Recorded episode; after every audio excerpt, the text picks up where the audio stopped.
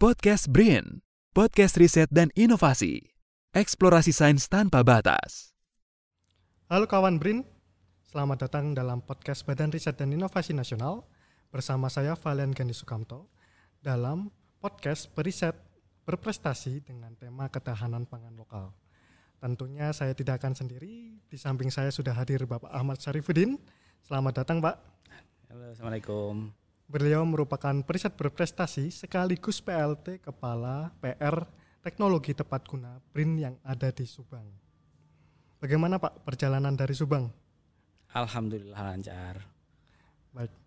Nah, kawan BIN, uh, beliau akan bercerita kepada kita seputar penelitiannya di bidang ketahanan pangan lokal yang membawa beliau untuk mendapatkan penghargaan internasional dari World Association of Industrial and Technological Research Organization (WITRO) Innovation Award tahun 2021 dengan penelitiannya yang berjudul Strengthening Food Sustainability in Southeast Asia by Utilization of Local Tubers of Amorphopalus muelleri Bloom atau yang biasa kita sebut sebagai porang ya Pak ya. Betul sekali. Ya.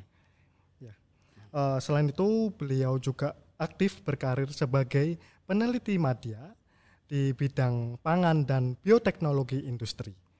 Beliau juga sempat menjalankan tugas sebagai ketua kelompok penelitian rekayasa proses pangan dan gizi di PRTTG dan menjabat sebagai koordinator administrasi 2 tim program percepatan penurunan stunting BRIN dan melakukan koordinasi terkait penyelenggaraan program revitalisasi ketahanan pangan dan gizi atau stunting uh, yang di beberapa perguruan tinggi negeri di daerah pada periode 24 November hingga 18 Desember. Wah, banyak sekali ya Pak ya. Ternyata rekam jejak Bapak terkait pangan dan gizi. Nah, Pak, terkait rekam jejak tersebut tentu kan diraih tidak sebentar ya Pak ya. Betul sekali. Bisa diceritakan Pak awal mulanya itu bagaimana? Awal mula ketertarikan saya di bidang uh, pangan dan gizi itu mungkin bermula dari pendidikan saya di S1. Uh, eh, saya mengambil jurusan Teknologi Pangan dan Gizi di Institut Pertanian Bogor. Kemudian saya melanjutkan ke program S2 di jurusan Keteknikan uh, Proses Pangan di uh, King Saud University Saudi Arabia Kemudian saya melanjutkan di S3 di uh, jurusan Teknologi Pangan di Suranari University of Technology. Jadi kalau kita melihat bahwa pangan itu sangat luas dan itu bisa memberikan manfaat, tidak hanya memberikan kita rasa kenyang, tapi ternyata mempunyai banyak sekali manfaat kesehatan yang bisa kita eksplor dalam uh, penelitian dan pengembangan. Wah ternyata uh, pangan lokal kita juga selain sebagai pangan utama untuk mengenyangkan, ternyata juga ada kandungan gizi ya Pak ya untuk kesehatan. Betul sekali. Nah, penelitian Bapak kan mengantarkan Bapak memenangkan ajang WIA tahun 2021 ya Pak ya. Betul. Uh, alasan Bapak untuk mendaftar di ajang itu sebenarnya apa sih Pak? Pertama terkait dengan topik yang disampaikan oleh Waitro mengenai ketahanan pangan dan kita melihat di Indonesia itu ada program uh, porang ya yang merupakan program nasional yang uh, sangat didukung oleh Presiden Jokowi dan Kementerian Pertanian menjadi uh, komoditas uh, ekspor pertanian yang tinggi. Nah, di situ kita melihat bahwa komoditas porang uh, itu tidak hanya bisa memberikan manfaat dalam hal ekonomi, tapi kita juga bisa melihat bahwa uh, komoditas porang ini bisa bermanfaat bagi kita, bagi masyarakat kita karena di dalam porang terkandung zat yang dinamakan glukomanan yang merupakan serat pangan yang larut yang itu bisa bermanfaat sekali bagi kesehatan kita. Wah, seperti itu Pak. Nah, ini membuat saya tertarik sih Pak sebenarnya. Kan uh, seperti kita tahu ya, porang itu sempat menyentuh harga ratusan ribu per kilo ya, Betul ya Pak. sekali. Ya. Dan ini kalau dijadikan sebagai pangan lokal kita, tentu kan masyarakat tidak bisa menjangkaunya ya. Nah, kenapa sih Pak? Kenapa harus porang gitu? Kenapa tidak memilih umbi lain gitu mungkin atau umbi jalar atau umbi ungu yang bisa menjadi alternatif selain uh, pangan utama kita yaitu beras. Ya. Karena di porang tadi terkandung glukomanan ya. Glukomanan itu merupakan serat pangan yang sangat bermanfaat bagi masyarakat kita gitu, bagi kesehatan uh, tubuh kita. Dan kalau kita lihat kalau dari sisi harga itu sebenarnya uh, mungkin relatif gitu ya. Jadi di masyarakat kita banyak sekali segmen-segmen masyarakat yang sangat membutuhkan manfaat dari uh, komoditas uh, apa glukomanan tersebut. Sebagai contoh uh, masyarakat yang uh, membutuhkan diet pangan khusus, misalkan penderita diabetes, cancer seperti itu. Itu menjadi segmentasi pasar yang memerlukan makanan dengan uh, kalori yang zero atau rendah dan itu bisa kita peroleh dari uh, hasil olahan porang. Oke, nah itu menarik juga Pak terkait olahan porang ya Pak ya. Uh, seperti yang kita tahu kita ini lebih digembor-gemborkan adalah untuk ekspor ya Betul. dalam bentuk uh, umbinya atau dalam bentuk tepungnya. Ya. Nah menurut Bapak sendiri sebenarnya bagaimana sih potensi porang itu sendiri untuk diolah sebagai produk akhir gitu Pak? Sangat potensial sekali. Jadi eh, di kita masih banyak eh, atau perlu produk-produk yang memiliki nilai eh, kesehatan yang tinggi khususnya dari eh, bidang pangan. Nah, di eh, porang tadi itu terkandung glukomanan yang merupakan serat yang larut air yang eh, dia bisa membantu uh, di dalam metabolisme kita. Dan kalau kita lihat uh, komoditas uh, porang ini itu bisa diterapkan di berbagai macam jenis pangan pokok ya. Bisa kita olah menjadi uh, nasi, tapi juga kita bisa melihat uh, mengolahnya menjadi uh, komoditas mie atau pasta yang itu merupakan saat ini merupakan salah satu komoditas atau jenis pangan pokok yang sangat banyak dikonsumsi oleh masyarakat Indonesia. Jadi tidak terbatas saja menjadi tepung ya, tapi ya. masih ada olahan lain dari tepung tersebut yang Betul bisa sekali. dimanfaatkan oleh masyarakat untuk uh, mengolah porang itu sendiri ya. Betul sekali. Dan itu ternyata menambah malah menambah nilai ekonomi ya, Pak ya. Betul sekali, Pak. Karena uh, seperti yang saya baca tadi uh, ternyata sempat menyentuh ratusan ribu sekarang harganya hanya di bawah sepuluh ribu gitu Betul. jadi masyarakat bisa memanfaatkan uh, penelitian bapak untuk apa istilahnya ya uh, membuat nilai tambah dari porang itu sendiri. Nah aman nggak sih pak kita konsumsi porang sebenarnya? Uh, kalau kita konsumsi secara langsung kurang aman karena di dalam uh, porang tersebut terdapat uh, kalsium oksalat yang merupakan mineral yang bisa menyebabkan iritasi di dalam uh, mulut maupun di misalkan kita menyentuh porang tersebut. Sehingga untuk uh, mengkonsumsi uh, porang kita memerlukan teknologi. Nah, teknologi itulah yang menjadi kunci kita bisa mengolah porang, tepung umbi porang menjadi produk yang aman. Oke, ternyata menyebabkan gatal ya. Betul. Hampir sama dengan talas berarti Betul Pak. Betul sekali. Nah, teknologinya itu sendiri prosesnya bagaimana sih Pak? Ya, prosesnya ini uh, kita sudah tahu ya, tapi mungkin okay. tidak akan kita ungkap karena merupakan bagian dari KI kita ya. tapi uh, itu prinsipnya adalah bagaimana kita mengekstrak okay. uh, eh, glukomanan dari umbi porang dengan teknik-teknik tertentu seperti itu. Oke, okay. uh, jadi uh, untuk uh, kawan Brin ternyata porang itu nggak bisa dikonsumsi secara langsung, langsung ya. Betul. Takutnya nanti kalau orang nggak tahu kan karena orang awam langsung dikonsumsi saja seperti mungkin dikira bisa kayak langsung direbus saja gitu atau digoreng ternyata malah menyebabkan gatal-gatal gitu juga sangat bahaya ya. Betul. Mungkin bisa dicatat oleh kawan Brin bahwa tidak bisa langsung dikonsumsi tetapi ternyata harus melalui yang namanya sebuah proses dan di situlah Pak Ahmad Syarifuddin menciptakan teknologinya seperti itu ya. Betul ya. sekali. Nah, terkait porang juga Pak, uh, seperti yang kita ketahui Bapak juga kan terkait gizi juga ya. Nah, gizi apa sih Pak yang terkandung di porang sebenarnya? Ya, eh, kandungan gizi di dalam porang itu adalah yang paling penting adalah kandungan eh, glukomanan tadi. Okay. Glukomanan itu mempunyai sifat sebagai serat pangan yang larut air. Nah, manfaat dari serat pangan yang larut air sangat luar biasa eh, bagi kesehatan tubuh kita yaitu pertama eh, dia tidak dapat dicerna oleh tubuh ya jadi eh, dia kalau istilahnya mengenyangkan tapi tidak memberikan kalori jadi ini sangat baik sekali untuk para penderita diabetes Kemudian yang kedua, dia bisa dicerna oleh mikroba yang ada di usus besar kita ya. Oke. Dan itu bisa menciptakan environment yang baik bagi eh, kesehatan usus kita.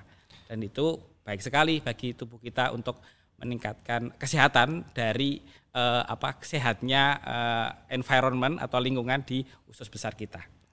Berarti nggak jadi makanan patogen juga kan ya Pak ya? Betul. Malah itu justru menghambat pertumbuhan eh, patogen di dalam usus besar. Oke, berarti bakteri baiknya tetap makan dari porang itu, tapi bakteri jahatnya malah nggak bisa berkembang. Betul. Sangat menarik ya. Berarti uh, ada apa ya istilahnya ya? Sesuatu yang menarik dari porang ini yang membuat environment di perut kita menjadi lebih Sehat. sehat, Iya, ya betul. seperti itu. Nah, terkait olahan itu sendiri Pak, apakah dengan olahan yang Bapak lakukan glukomanannya itu tetap ini Pak, tetap apa ya istilahnya Ada. tetap ada, tetap baik seperti itu. Ya, ada. Jadi eh, glukomanan itu karena kita mengekstrak ya, mengekstrak itu berarti kita mengambil glukomanan malah justru kita akan memurnikan ya. Kita dapatkan eh, kalau dari porang itu katakanlah eh, 40% nanti kita ambil, kita ekstrak harapannya menjadi tepung glukomanan dengan kadar 90% gitu ya.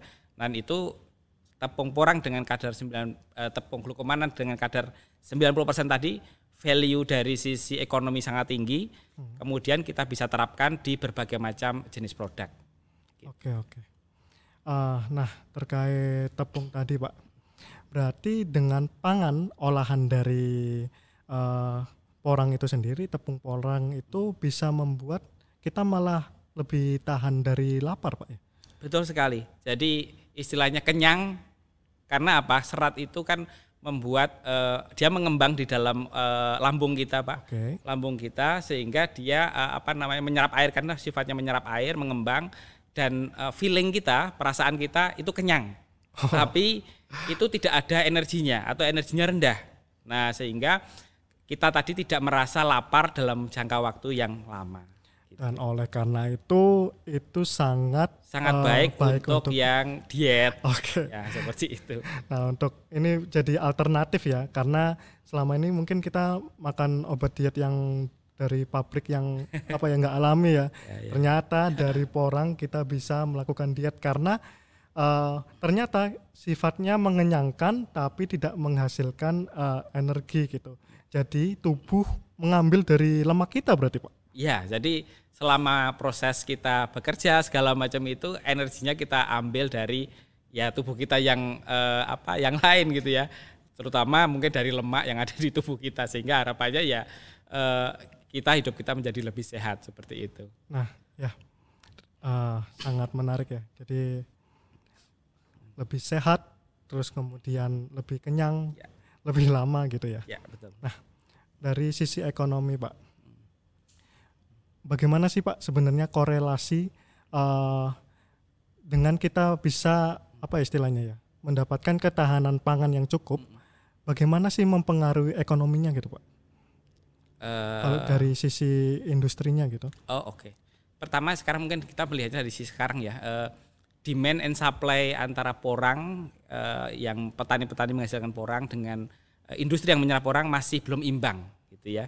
Itu itu dari sisi eh, konsep budidaya. Kemudian jadi eh, kemudian yang kedua kalau bagi kita sebagai eh, masyarakat karena eh, sebenarnya hasil produksi pangan dari porang itu tidak harus tidak bisa tidak tidak mahal lah katakan seperti itu. Karena penggunaan porang penggunaan glukomanan di dalam pangan sendiri itu sangat kecil sangat kecil. Tapi tadi dia bisa memberikan efek kepada kita memberikan rasa kenyang yang lama sehingga ya kita nggak perlu makan yang lain lagi gitu seperti itu. Oke. Nah, menurut Bapak sendiri Indonesia ya.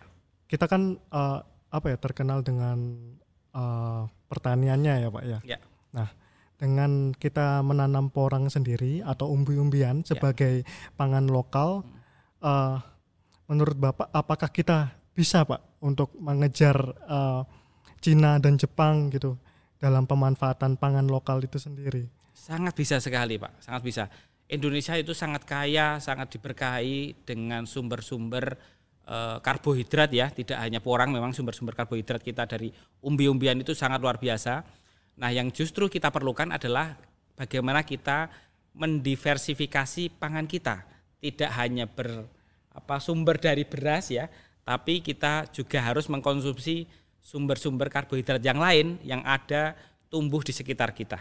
Nah itu Pak yang susah Pak. Kadang kan kalau kita makan sesuatu tanpa makan nasi itu serasa bukan makan ya Pak, ya, nyamil ya. gitu. Bahkan bahkan padahal ketika kita makan mie masih disertai dengan nasi gitu. Ya, ya, ya. Padahal itu double karbohidrat gitu Betul seperti sekali. itu. Nah Betul. ada nggak sih Pak strategi dari Bapak gitu supaya masyarakat itu mau gitu untuk juga mengkonsumsi uh, pangan lokal selain ya. beras? Ya, uh, jadi gini, uh, kalau kita harus mampu merubah mindset ya. Okay. Jadi kalau misalkan konsumsi beras memang kita sulit ya, karena begitu kita konsumsi beras kita punya standar karena uh, kita dari kecil sudah diberikan makan beras punya standar tersendiri gitu ya. Tapi kalau kita mengkonsumsi jenis pangan pokok yang lain, katakanlah jenis pasta, noodle gitu ya, kita akan memiliki standar yang berbeda. Misalkan kita makan pasta, dari uh, apa namanya produk-produk seperti Italia itu ya. Kemudian juga ada uh, produk-produk uh, mie dari beras, katakanlah bihun segala macam. Dan ini sekarang ada mie dari uh, porang. Oh. Nah, mie dari porang itu juga akan memiliki tekstur yang khusus. Nah, selain itu jadi gini, kalau kita makan tadi kita nggak pakai kalori ya Mas ya, ya. tapi kita bisa mendapatkan kalorinya dari uh, tambahannya. Tapi tambahannya itu bukan karbohidrat, bukan tambahan beras okay, lagi ya. Okay. Tapi kita tambahkan sumber uh, protein, katakanlah gitu. Kita makan di situ ada telur, kita makan di situ ada daging ya. Itu juga bisa menjadi sumber energi bagi kita, tapi itu tidak akan meningkatkan gula darah secara cepat. Dan juga itu lebih kenyang. kenyang dengan porang tadi lebih kenyang seperti itu. Nah, oleh karena itu kawan Brin coba kita apa ya konsumsi lah uh, pangan lokal dari Indonesia karena ya. kita tahu banyak sekali ya pak ya Betul sekali. pangan lokal di Indonesia dan gizinya itu tidak kalah itu ya sama produk pangan yang lain ya, gitu betul. dan malah lebih sehat untuk kita terutama mungkin uh, dari kawan Brin yang punya diabetes atau Betul. apa ya seperti Kemukan, itu. misalkan ya. seperti itu. Iya. Nah, Pak bicara terkait hal tersebut tentu kan penelitian Bapak itu tidak apa ya istilahnya, tidak selalu mungkin tidak selalu mulus ya Pak ya. ya? Betul. Sebenarnya tantangan apa sih Pak ketika Bapak meneliti tentang pangan dan gizi di Indonesia ini Pak? Uh, tantangan di dalam penelitian pangan dan gizi itu sangat banyak sekali Mas. Ya tadi mungkin tadi Mas sudah menyebutkan salah satunya Mas Valian. Uh, kita perlu tidak hanya bisa menciptakan produk, tapi kita harus perlu atau bisa mengedukasi manfaat dari uh, produk tersebut. Itu yang mungkin jadi tantangan tersendiri gitu ya. Uh, karena misalkan tadi kita sudah terbiasa makan beras, makan uh, nasi gitu ya. Terus kita harus merubah menjadi makan yang lain itu harus ada proses edukasi. Okay. Nah, proses edukasi itu merupakan bagian yang tidak terpisahkan dari uh, pengembangan uh, pangan di Indonesia. Berarti ada harus ada sosialisasi mungkin ya betul, ya dari pemerintah kepada masyarakat. Jadi penelitinya menghasilkan produknya, tapi harus dibantu juga sosialisasinya agar uh, dimanfaatkan dan dimakan juga seperti betul, itu. Betul, betul. Jadi nggak hanya apa ya jadi produk saja, tetapi juga bisa bermanfaat untuk masyarakat. Ya, dan itu perlu didukung dengan program-program pemerintah, program sosialisasi dan edukasi dari pemerintah misalkan kita katakanlah uh, ada program pemerintah seminggu sekali lah gitu ya kita mengkonsumsi makanan yang non beras gitu ya misalkan seperti itu itu akan melatih kita untuk menjadikan kita lebih familiar terhadap uh, produk-produk uh, non beras misalkan seperti itu. Oke, nah Pak uh, rencana riset Bapak selanjutnya setelah menang WIA di tahun 2021 kira-kira bagaimana Pak? Kita akan masih tetap berkomitmen uh, khususnya karena memang uh, penelitian da, porang ini masih sangat uh, sangat dasar di Indonesia masih perlu dikembangkan agar uh, komoditas berbasis porang itu bisa menjadi komoditas nasional dalam hal ini bukan hanya raw material tapi menjadi komoditas atau produk yang bisa uh, dinikmati oleh seluruh masyarakat Indonesia dan menambah nilai ekonomi Betul tentunya sekali. Pak ya. Betul. Terakhir Pak, pesan untuk para periset terkait ketahanan pangan dan gizi uh, kira-kira apa Pak? Untuk para peneliti di bidang uh, teknologi pangan, ilmu gizi, bagaimana kita memanfaatkan uh, komoditas sumber-sumber potensi lokal kita yang sangat banyak, sangat melimpah, yang merupakan diberkahi oleh Tuhan yang ada di Indonesia itu sangat banyak. Sehingga harapan kita bahwa peneliti jangan putus asa, kita masih banyak sekali sumber-sumber tadi yang bisa kita kembangkan, termasuk bagaimana kita memanfaatkan uh, ilmu kita dalam teknologi pangan, edukasi pangan dan sebagainya untuk uh, kita bisa memanfaatkan, mensosialisasikan uh, sumber-sumber pangan yang ada di Indonesia menjadi sumber alternatif yang uh, bisa dimanfaatkan. Dan tentu saja ini uh, apa ya meningkatkan nilai ekonomi dari petani-petani dari sumber daya manusia, sumber apa tadi sumber pangan tersebut. Oke. Nah, kawan Brin, uh, seperti yang kita tahu, periset kita sudah menghasilkan banyak produk ya Pak ya. Oh. Nah saatnya kita juga nih mulai mengkonsumsi pangan lokal supaya ketahanan pangan lokal kita juga tercipta gitu betul, ya Pak betul, ya. Betul sekali. Seperti betul. itu. Jadi ternyata selama ini bukan hanya beras, orang pun yang uh, mungkin kita cuma ekspor saja yeah. dalam bentuk raw ya Pak ya, yeah. dalam bentuk tepung, mm-hmm. ternyata juga bisa kita konsumsi loh. Betul. Gitu.